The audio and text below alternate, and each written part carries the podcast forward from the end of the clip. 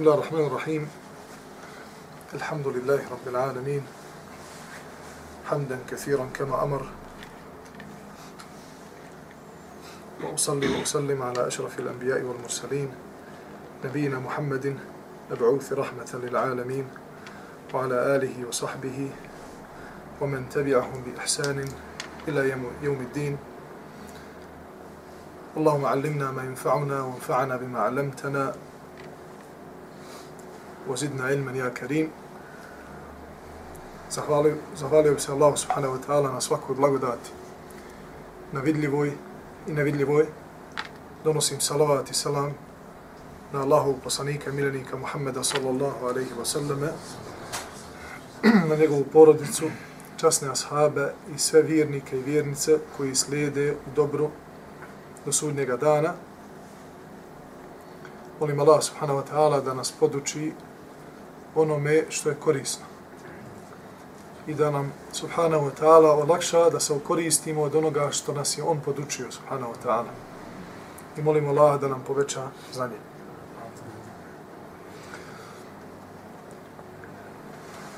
Govoreći o mekanskom periodu,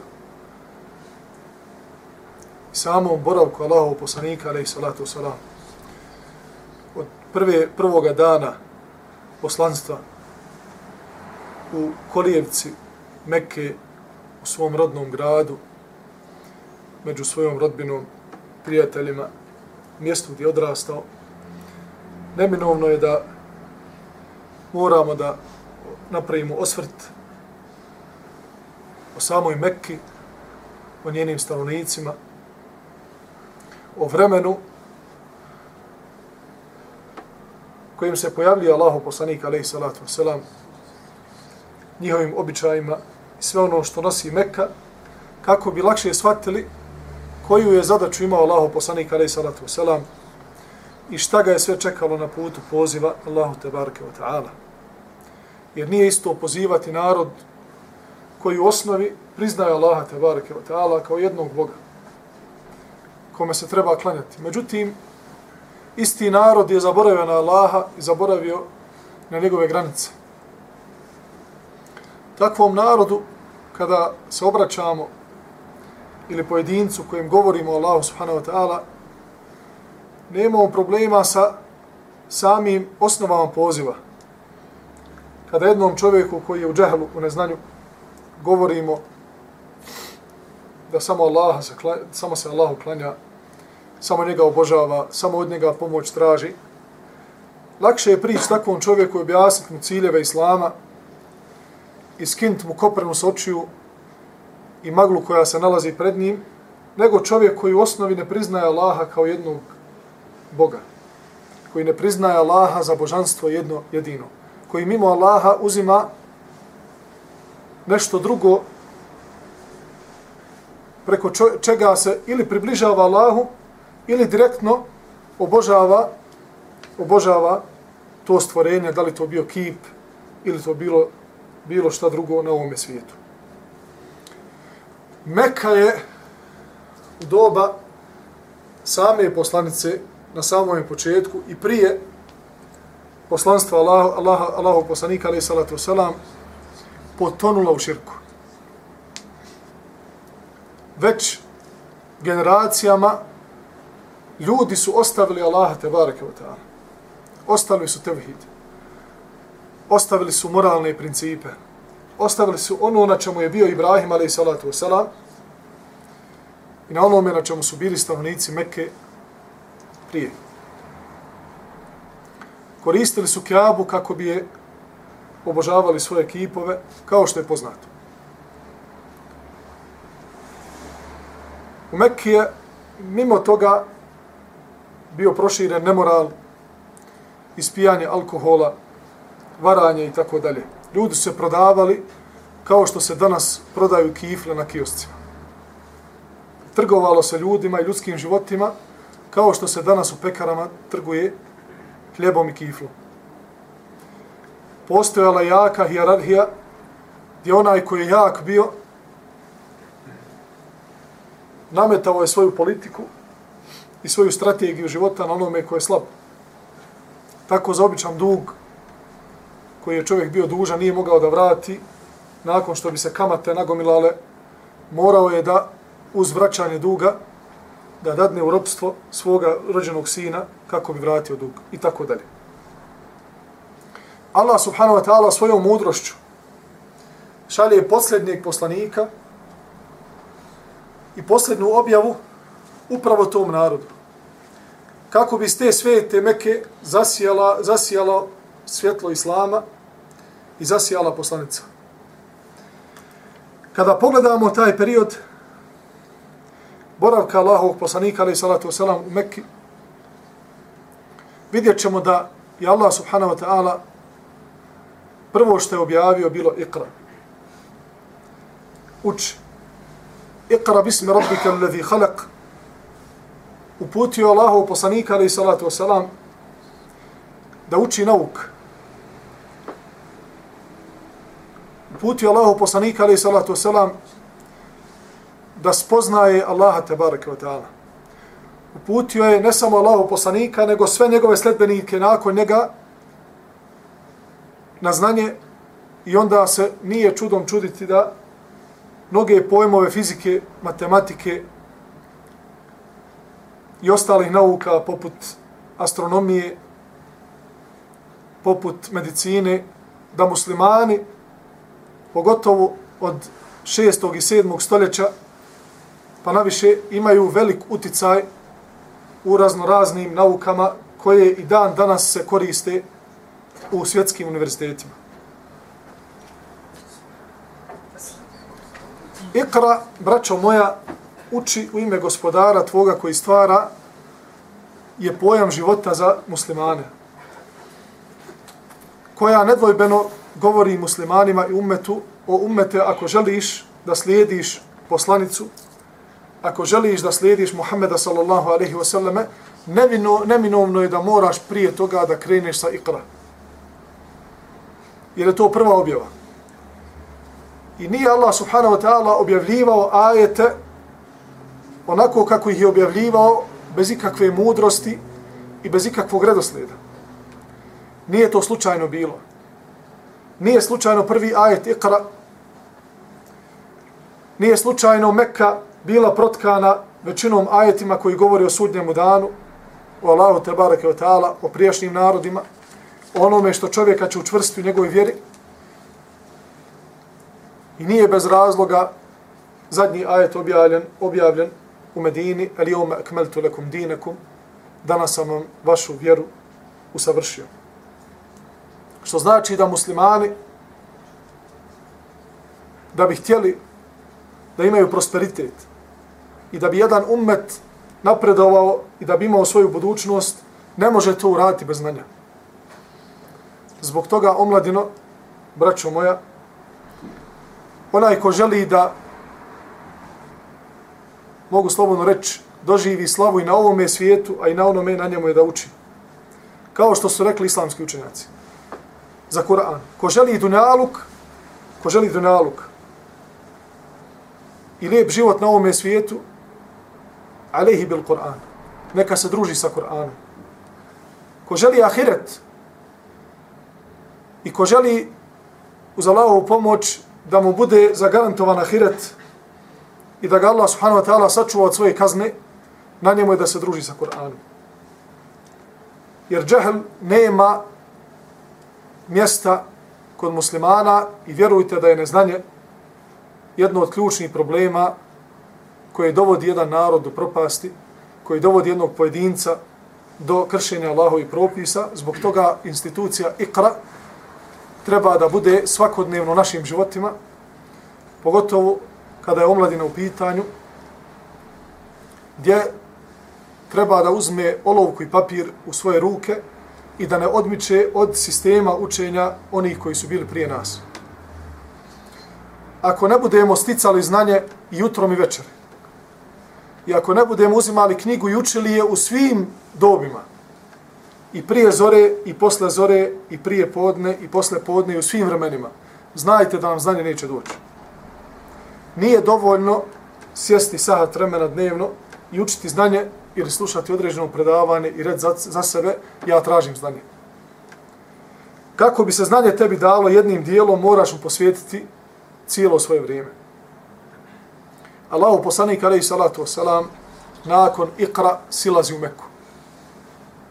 Kako bi obavijestio ljude onome što mu je došlo.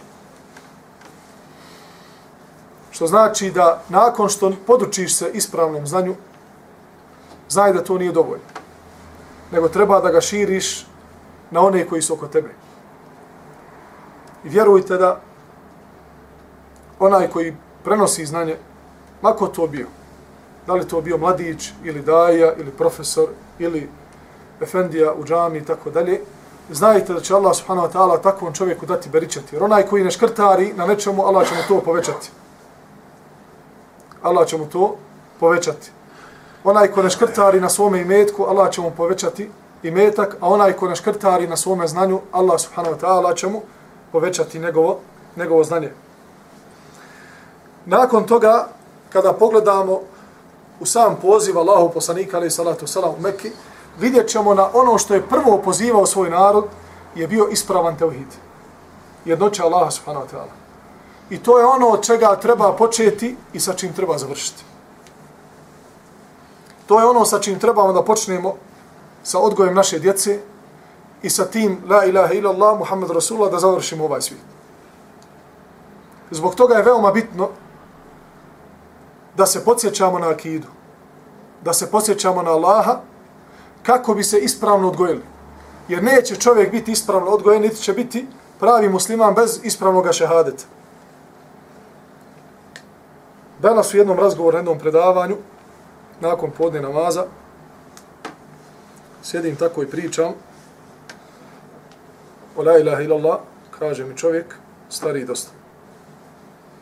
Kaže, dobro, po čemu, ti to kaže, sve pričaš, fina, ja te slušam, po čemu ću ja, kaže, prepoznat da je neko musliman? Rekao, prvo po šehadetu. Prije svega po šehadetu, a sam šehadet, sam la ilaha illallah Muhammad Rasulullah, sa sobom nosi i reči djelo i vjerovanje. Ali osnova je šahadet. Jer onaj ko nema šahadeta može klanjati pet vakata namaza, može postiti mjesec Ramazana, može davati zekijat, neće mu to Allah ništa primiti. Bez ispravnog vjerovanja i bez ispravnog poimanja la ilaha illallah Muhammed Rasulullah, islam nije ili vjera nije ispravna. Zbog toga je veoma bitno odgajati generacije na ispravnom značenju la ilaha illallah Muhammed Rasulullah. Kaže o meni, a to je nešto, kaže, novo kod vas. Nije to rekao ništa novo nema, Allah, nema poslanika koji je Allah subhanahu wa ta'ala poslao, a da nije pozivao u la ilaha illallah Muhammed Rasulullah. E nije abudullah uđete ni tagut. Nije došao niti jedan poslanik, a da nije govorio svome narodu, vjerujte u Allaha, njega obožavajte, klonte se taguta. Sa tim je došao i Nuh, sa tim je došao i Ibrahim, sa tim je došao i Musa, i Isa i Muhammed sallallahu alaihi wa sallam. Sviđalo se to nekome ili ne? Razumio to neko ili ne? Zbog toga ne trebamo odma preći kako sa odgojem djece, tako sa odgojem naše braće koji su oko nas. Odma sa, e, samo sa e, predavanjima ili govorom o propisima. Šta je halal, a šta je haram.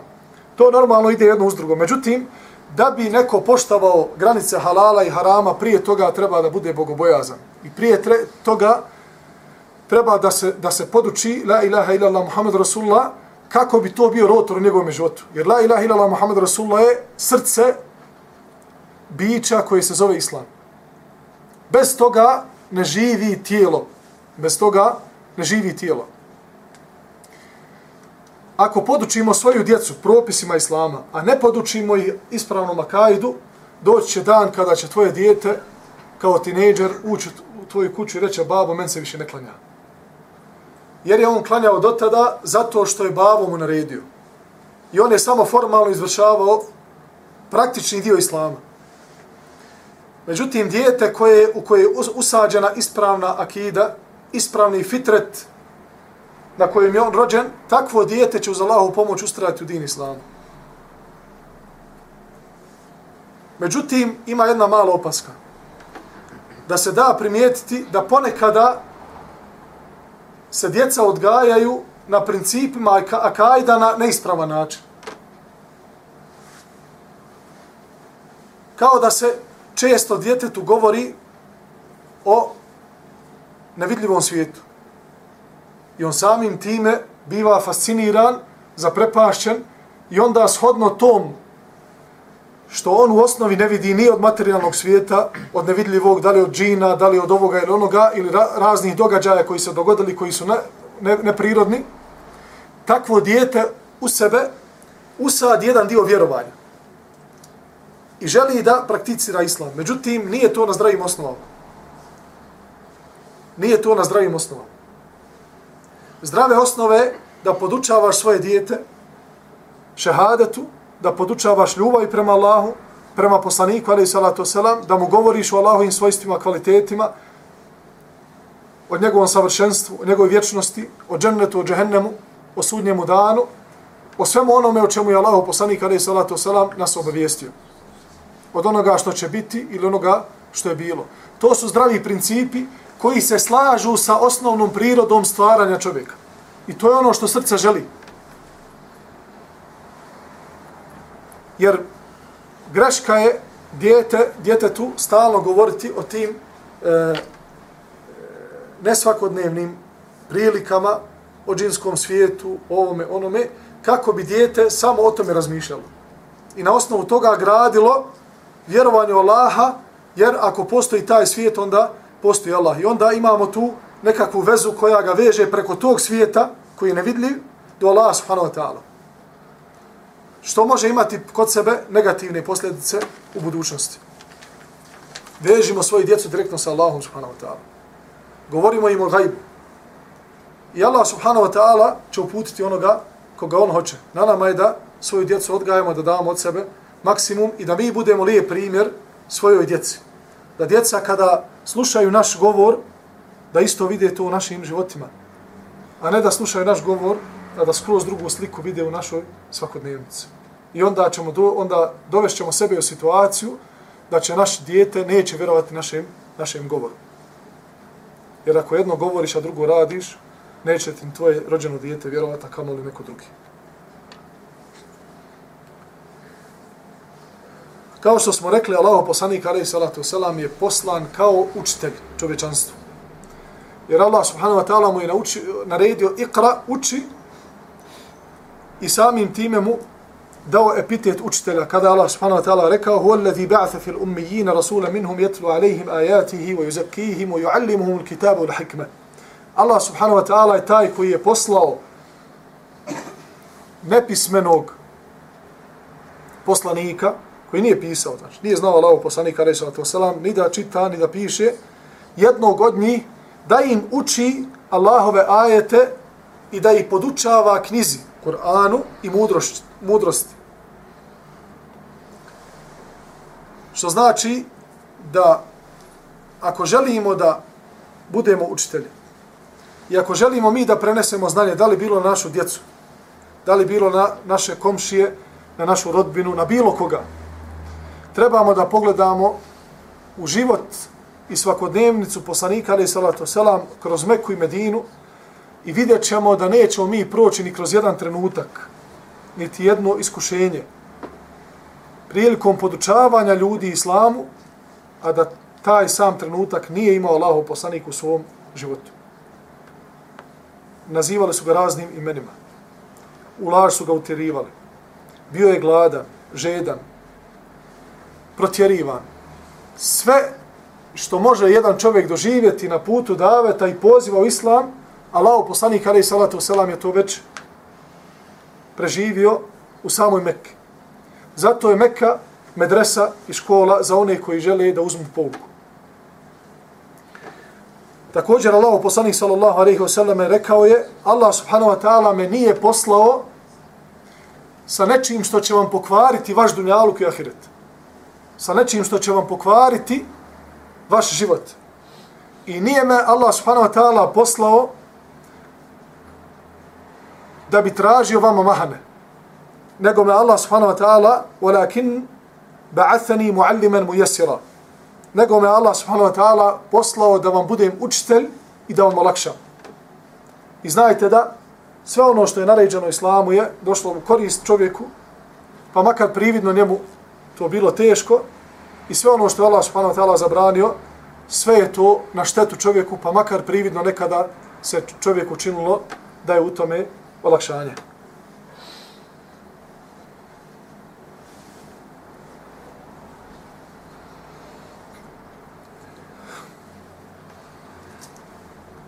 Nakon toga, braćo moja, Allahu poslanik alejhi salatu vesselam pokazuje nam svojim primjerom koga trebamo prvo, prvo da pozovemo islam. I to je kuranska osnova wa anzira shirataka aqrabin, gdje mu Allah subhanahu wa ta'ala naređuje i kaže i upozori svoje najbliže. I zatim je Allah poslanik alejhi salatu vesselam zovno svoje svoju rodbinu na brdo Safa i obavijestio ih o onome sa čim je zadužen. I obavijestio ih o la ilaha illallah Muhammad Rasulullah. Od toga treba da krenemo. Nije pametan onaj čovjek, niti je mudar koji krene sa upozoravajući kraj svijeta, a pored njega oni njegovi najmiliji i najbliži su daleko od upute. U Allahovim rukama je uputa. Međutim, na nama je da na najljepši način predstavimo islam svojim najbližima i nikako svojim ponašanjem ne smijemo doprinijeti da oni koji su oko nas, naši roditelji, naša rodbina, naše amidže ili dajđe ili bilo ko drugi, ne smijemo dozvoliti da svojim ponašanjem ih još više udaljimo ako nisu u islamu ili ako ne žele da praktikuju islam. Ako ti ne možeš da ih da povećaš hajr u njihovom životu ili da promijeniš njihovo stanje sa lošeg na bolje, nemoj biti onaj ko će njihovo stanje promijeniti sa lošeg na lošije. Jeste me razumjeli? Znači, nemojte dozvoliti da svojim ponašanjem ili oni ako vas odbiju ili ne žele da slušaju ono što vi govorite ili možda čak vas provociraju, razima, nazivaju raznim imenima, eno ga otišu one budale, vidiš ga samo po džami, nije normalan, šta mu je dojuče bio kako treba, sad je ona, ili, ga, ili mu neko poturio siher, ili su mu ispili mozak, eno mu naka fleka na, na, na, na, na čelu, on ne zna da je to svežde. Evo naka fleka, kaže, bez beliji priključuju na neke, kaže, instrumente, aparate, pa im isisavaju mozak. Sve su to jedno od šeitanskih načina, metoda, kako će da djeluje na one koji su oko tebe, koji nisu osjetili slast Islama, ali koji nešto znači u tvome životu i tebi neće biti srce ravnopravno kada čuješ te optužbe. Pogledajmo kako se Allah poslanik alaih salatu salam prema tome obhodio. Znamo svi da prije poslanice Allahu poslanik alaih salatu wasalam je imao nadimak u Mekki među svim Mekelijama. As-sadiqul amin. As-sadiqul amin istinu ljubivi, povjerljivi onaj koji voli istinu, govori samo istinu, i onaj koji je povjerljiv. Niko se nije razilazio oko toga. I o tome nam govori poznati slučaj kada su Mekelnije obnovile Kaabu i onda se raspravljali koje će pleme imati tu počast da podigne Hadžarul Esved i ugradi na čošak Kaabe, pa se na kraju složili da prvi čovjek koji uđe u Harem Mekke da će biti taj koji će donijeti odluku koje pleme će da ugradi Hadžur Esved nakon objave Kaabe. kada su ugledali Allahu poslanika, ali salatu selam, svi poglavari plemena su se obradovali jer su znali da će Allahu poslanik donijeti ispravnu odluku. Nakon što je Allahu poslanik, ali salatu selam, došao sa la ilaha illallah, Muhammed Rasulullah, ti isti koji su ga volili i cijenili, nazivali ga istinoljubivim i povjerljivim, počeli su da ga nazivaju grdnim imenima i ostali, braćo moja, Arapi prije Islama nisu volili laž. Volili su istinu. U onom kontekstu da se istina govori. Prezirali su da se laže. Međutim, pogledajte kako oni koji ne vole Islam, nevjernici, da li to bili nevjernici koji su spomenuti kao Ehlu Kitabije, sledbenici prijašnjih knjiga, ili to bili mušrici koji su nama, koji nas mrze i preziru nas kaderski, nema niti jedan nevjernik pod nebeskim svodom, a da ne mrzi ono na čemu su muslimani, jer je Allah subhanahu wa ta'ala tako to ostavi. I oni nas preziru i mrze kaderom. Sve dok ne prime islam. Počeli su da ga nazivaju grdnim imenima, međutim, Allah poslanik se nije na to osvrćao. Nije im uzvraćao na njihove urede. Kao što stoji vjerodostojno kada su ga pozivali, ja mu zammim o pogrđeni, nije se osvrtao. Pa su govorili, mi ćemo Allah da uništi onoga ko je pogrđen, Allah da uništi mu zemmima, Allah da ubije mu zemmima i tako dalje. Tako su govorile Kurejšije. Ashabi su govorili, Allahu poslaniće, što im ne uzvratiš? Prozivaju te. Kaže Allahu poslanik ashabima, pogledajte, subhanallah, Allah Đerlešanuhu je od mene odgnao njihova proklestva, ono što oni govore i što psuju. Kaže, ja se zovem Muhammed, a oni psuju mu zemima. Ja nemam sa tim ništa. Ja se zovem Muhammed. Allah subhanahu wa ta'ala je mudro otklonio od Allahov poslanika čak i psovke nevjernika. I mušrika Mekke. Kaže, pogledajte, oni psuju mu ja sam Muhammed. Ja sa ovim nemam ništa. Da psuju Muhammeda, hajde nekako mi bilo teško. Ali, to je, alhamdulillah, ne rade. Tako, to je jedno od principa, braćo moja, odnosa prema ukućanima, oni koji su oženjeni, da znaju da je jedno od uh, ovih primjera Allahu poslanika, gdje on na taj način pokušao da jednostavno obraća pažnju na, na njihove uvrede. Takav je mu'min. Je te gafel ahijana. Ponekad pravi se da ne konta i odnos prema svojoj braći muslimanima i u kući i tako dalje i okolinu. Ponekad se pravi da ne konta. Nije, nije pametan ni oštruman onaj koji stalno re, reaguje na sve ono što se oko njega dešava. Jer time on pokazuje da je inteligentan, međutim, na taj način nikada neće imati mirnu situaciju. Na svaki pokret tijela nekoga koje pored njega pametan može skontati o čemu da ovaj nešto želi da mu kaže. I može ga pročitati preko pogleda, preko ovoga i Ako tako budeš radio u svojoj kući, nikad nećeš imati mirnu kuću. Šta si htjela s time? Aha. Uđeš u kuću, selam aleikum, i onda slušaš intonaciju. Ako uđe, aleikum, selam. A šta si to ljuta? Šta ti je? I onda ti praviš problema, problema nema. Možda Hanuma nije naspavana, možda je ovo, možda dijete čitavu noć plakalo. Međutim, ti slušaš intonaciju, jer si pametan.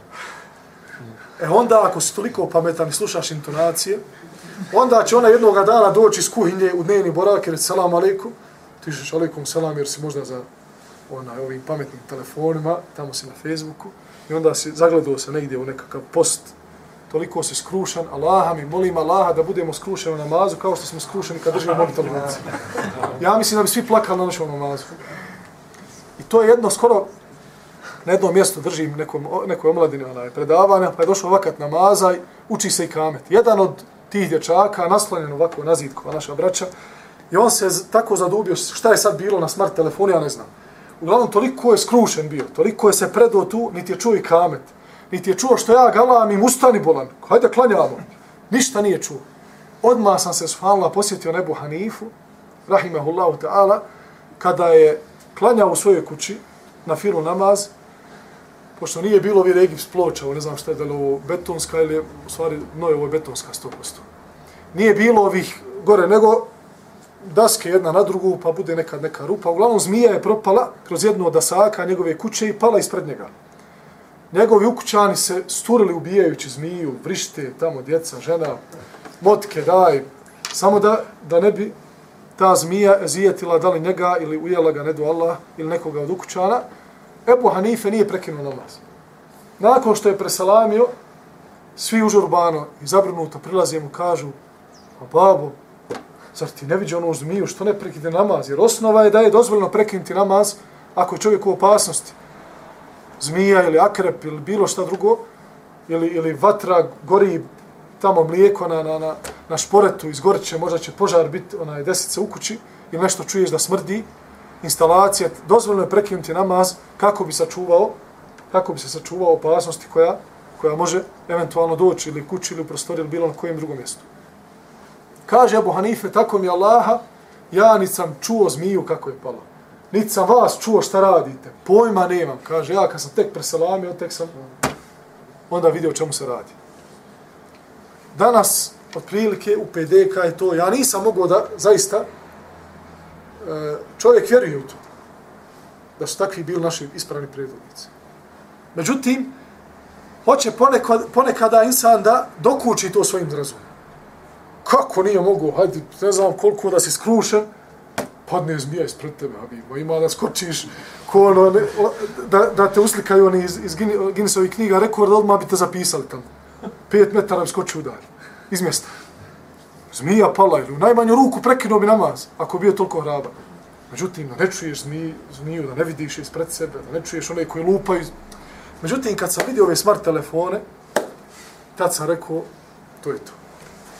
Jer oni su, subhanallah, volili Allaha i toliko su bili skrušeni namazu, toliko su bili predani ajetima, da jednostavno su bili osjećeni. Kao što se prenosi da je vjerodostojno u knjigama Sijera, eh, života Allahu uh, ashaba, dela ashaba u bitci, zadobio jake, jake e, posjekotine na nozi tokom bitke i normalno nakon povratka bitke, to su dani, njegove rane su se toliko zagnojile da nije bilo druge opcije osim da mu se osjeća noga kako gangrena i gnoj ne bi išao na druge dijelove tijela. Kada je prvi put anestezija? Malo ovdje medicinara, doktora, studirali ko medicinu. Koje godine su lju, ona, Igmanski marš u bivšoj jugi je prvi koristio a, anesteziju. Međutim, znači sigurno da u Endelusu, u sadašnjoj Španiji, muslimani su koristili, muslimanski doktor su koristili anesteziju. Braćo, prije 800 godina. Bileži se da jedan poznati doktor, medicinar, musliman, u Endelusu, u zlatno doba Španije, kada su muslimani 800 godina u proveli, da su koristili anesteziju u svojim operacijama. Prvi čovjek koji je otvorio, koji je otvorio grudni koš, čovjek koji je otvorio. Namjerno govorim čovjek, jer je ona je operacija srca prva se desila na Dunjalku prije 1450 godina. Međutim, prvi čovjek koji je otvorio grudni koš drugom čovjeku i operisao ga naživo je bio upravo taj taj doktor musliman koji je koristio anesteziju svoje doba. Međutim, doba ashaba nije bilo anestezije. Nije bilo anestezije. Koju anesteziju koristio Džibril sa Muhammedom sallallahu alaihi wasallam? Dva puta je fizič, znači fizički Allahom poslaniku razrezano, razrezan grudni koš, otvoreno mu, znači njegova prsa, izvađeno srce je oprano dva puta. Jednom kada je bio mali kod Halime, Sadije, u pustini, a drugi put prije nego što je otišao na noćno putovanje Isra i prije nego što se uzvisio na sedmo nebo, iznad sedmog neba na Mijarađu, Allahom poslaniku, ali salatu wasalam, i Melek Džibril oprao dva puta srce.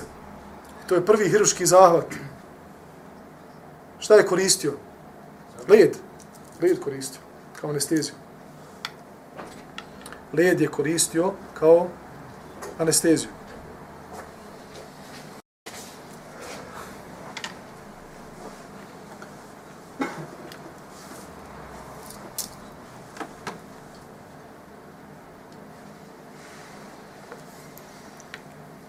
Tako da je mudar čovjek onaj koji a, ponekada se pravi da, da ne konta. Nešto ti neko kaže, pravi da nisi shvatio.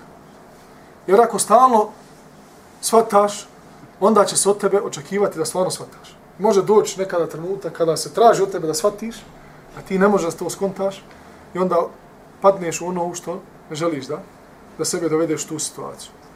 Zato je mudar čovjek onaj koji ponekada ha, se pravi da, da ne razumije.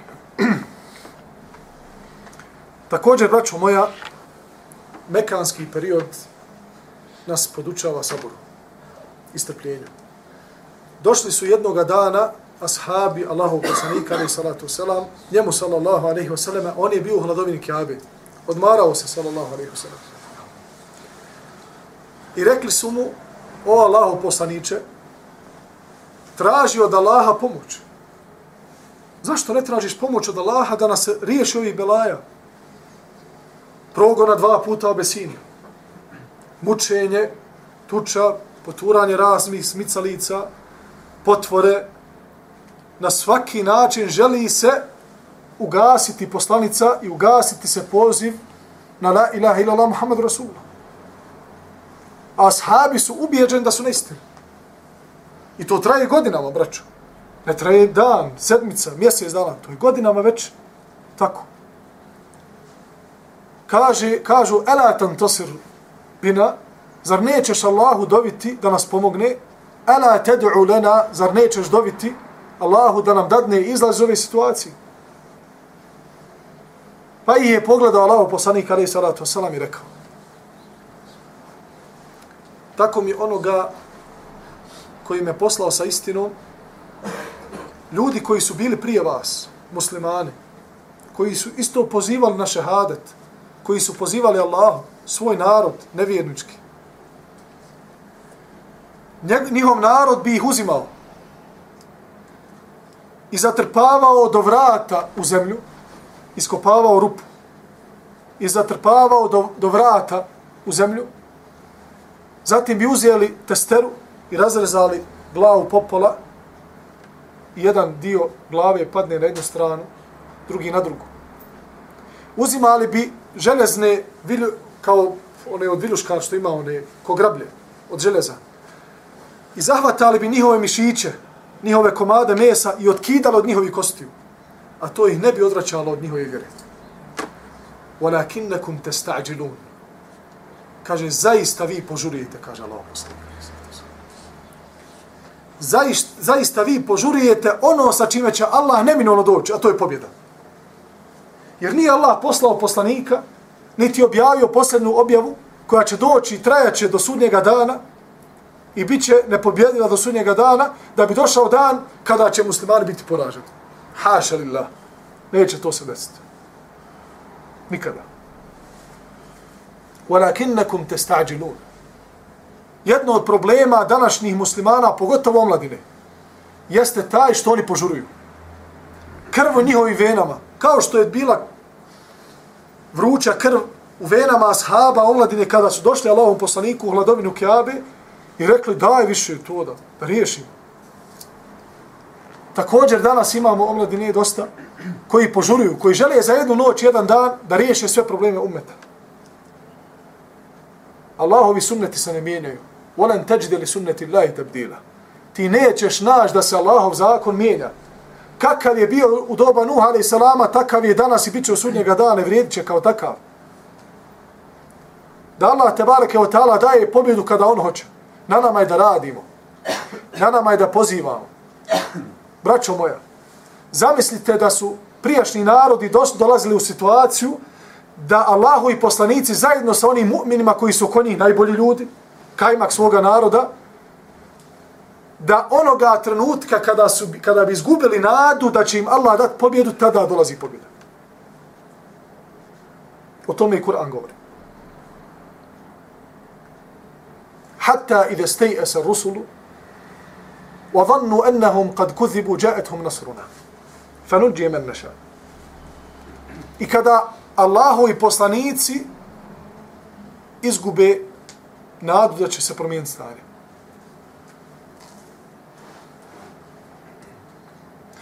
I pomisle da su ulažu tirani, gotovo. Znači, oni koji se bore protiv islama, ima jasan dokaz. Gotovo, nema. Mediji su nas pokrili, ubiše nas raznim informacijama, evo, proglaši nas teroristima, još malo pa će nam narediti da moramo na leđima. Ha, ideš u džamiju, veli, ideš u džamiju, evo ti majica fine u buci ovde, jednako je terorizam. Džaethum nasruna, kaže Allah subhanahu wa ta'ala, u tom trenutku kada to pomisli, Allah daje u tome pobjedu. I tada dolazi pobjeda. To je Allah sunnet. Njegov zakon koji se ne mijenja. Da će dati pobjedu. Međutim, treba ummetu još sabura. Treba ummetu, pogotovo omladini, još sabura, jer neće svojim nadvikivanjem glasova i svojom nestrpljivošću i svojom sržbom ubrzati Allahu pobjedu. Niko to nikad nije uradio. Nego radom, strpljivošću i ugledanjem na životopis Allahu poslanika ali salatu Pogotovo što danas smatram da je veoma bitno govoriti o mekanskom periodu, jer svakom od nas fali mekanskog perioda. Svakom od nas još treba da, se, da odgoji svoju dušu kako bi povećao svoj stepen bogobojaznosti. O čemu govore i mekanski ajet? Svakom od nas još treba da bude strpljiv na nedačama koje ga zadese. Medina je skroz drugi period. Medina je država. Medina je ustav. Medina je propis, kadiluk. Međutim, danas muslimani su prepušteni sami sebi. Danas muslimani žive u državama gdje nemaju osnovna prava za, za svoje potrebe. Da po onome što Allah subhanahu wa ta'ala objavio, da imaju pravo na ono što ih sleduje Kur'anom i sunnetom. Nažalost.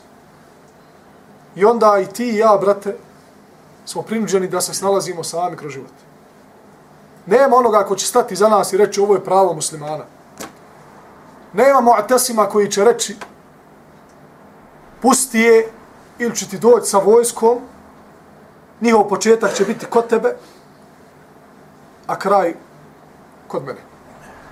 Znači, moja vojska će doći kod tebe, na kapije tvoga grada, tvoje utvrde, a zadnji vojnici još i dalje će izlaziti iz moga grada. Toliko će biti ljudi koji će krenuti samo radi jedne muslimanke. Toga nema danas. Zbog toga je strpljivost ključ uspjeha. I nije se strpio niko da nije vidio nakon toga rezultata. Nije se niko strpio u bilo koji nedači, a da nakon toga nije vidio rezultat. Braćo moja, često insan kada biva pogođen određenim iskušenjem, bilo koje prirode on bio, u tom trenutku misli da nema pod nebeskim svodom čovjeka koji je pogođen sličnim iskušenjem kao što je on to. Svako od nas smatra da njegovo iskušenje najveće zato što direktno se tiče njega pa osjeti njegovu gorčinu u pravom smislu te riječi. Ponekada ti dođe iskušenje kao da ispijaš gorki otrov i opet nakon određenog vremena kada prođe to iskušenje i obazreš se nakon godinu dana na to iskušenje, često se nasmiješ i kažeš, subhanallah, pogledaj, ja sam u tom trenutku mislio da nema izlaza iz tog iskušenja. Pa je Allah subhanahu wa ta'ala u tom iskušenju dao ti hajr. I zaista, kada bi ljudi poznavali gajb, kada bi poznavali budućnost i kada bi mogli da dokuče ono što je Allah odredi unaprijed, bili bi zadovoljni sa onim što ih pogađa od iskušenja dne, do, danju i noću kada bi ljudi bili u mogućnosti da spoznaju gaib i budućnost, kada bi Allah to dozvolio, bili bi zadovoljni sa svakim iskušenjem koji ih pogodi. Jer nema iskušenja koje pogodi vjernika, a da od njega nema koristi na ovome svijetu ili na onome. Da od njega nema koristi ili na ovome još svijetu, a ako ne na ovome 100% na ahiretu.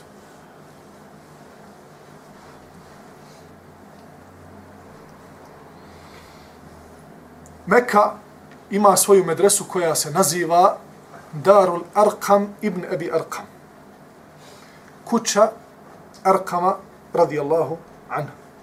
Gdje je Allah poslanik alaih salatu wasalam svakodnevno sjedio sa svojim ashabima i podučavao ih dinu, din islamu. Zbog toga, braćo moja, sticanje znanja nije povezano sa uslovima. Nikad. Niti je kad bilo.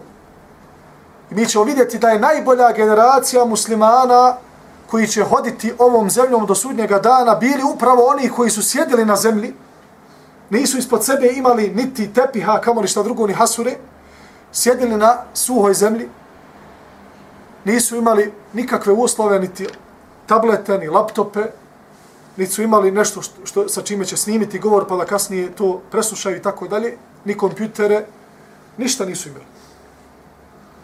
Imali su najboljeg učitelja, imali su izvor sa kojih su pili, čisti izvor Kur'ana i Sunneta,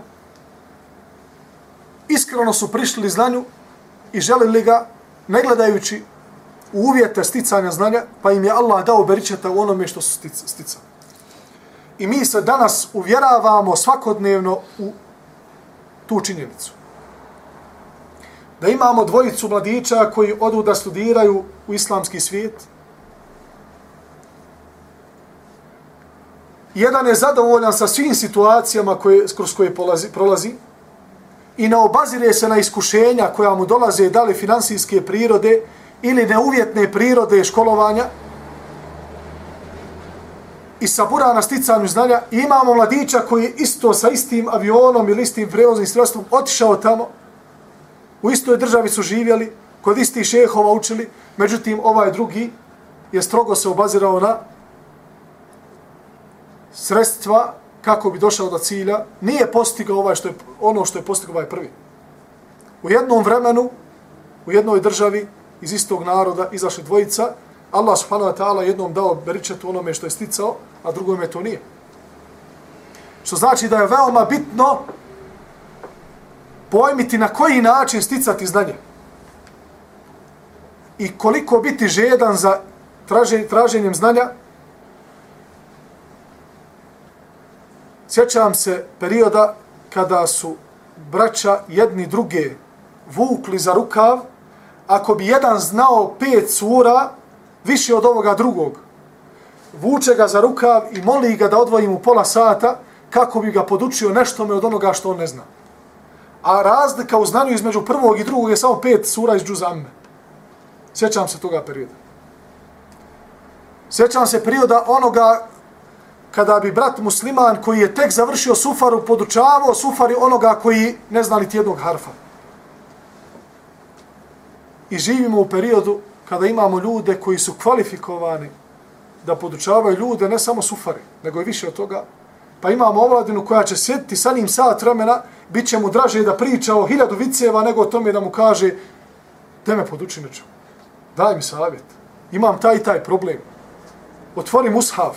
Pa šta je problem? Mi sjedimo za kafom. Došao si mi na kafu pola sata. 15 minuta ćemo spijat kafu. Ostalo 15 minuta koja sam, koje sam ti dao, zamoli fino, reci, prate, mogu li ja otvoriti mushaf i prušiti jednu stranicu? pa ti mene ispravi onome što ne znam. Zar to nije lijepo? Mislim da se uveliko izgubio taj osjećaj za iskorištavanjem vremena prilikom traženja znanja. Zbog toga danas imamo situaciju da kada razgovaramo s omladinom kaže nema se vremena. Nije da se nema vremena, nego se ne iskorištava vrijeme koje raspo, koje je raspoloživo.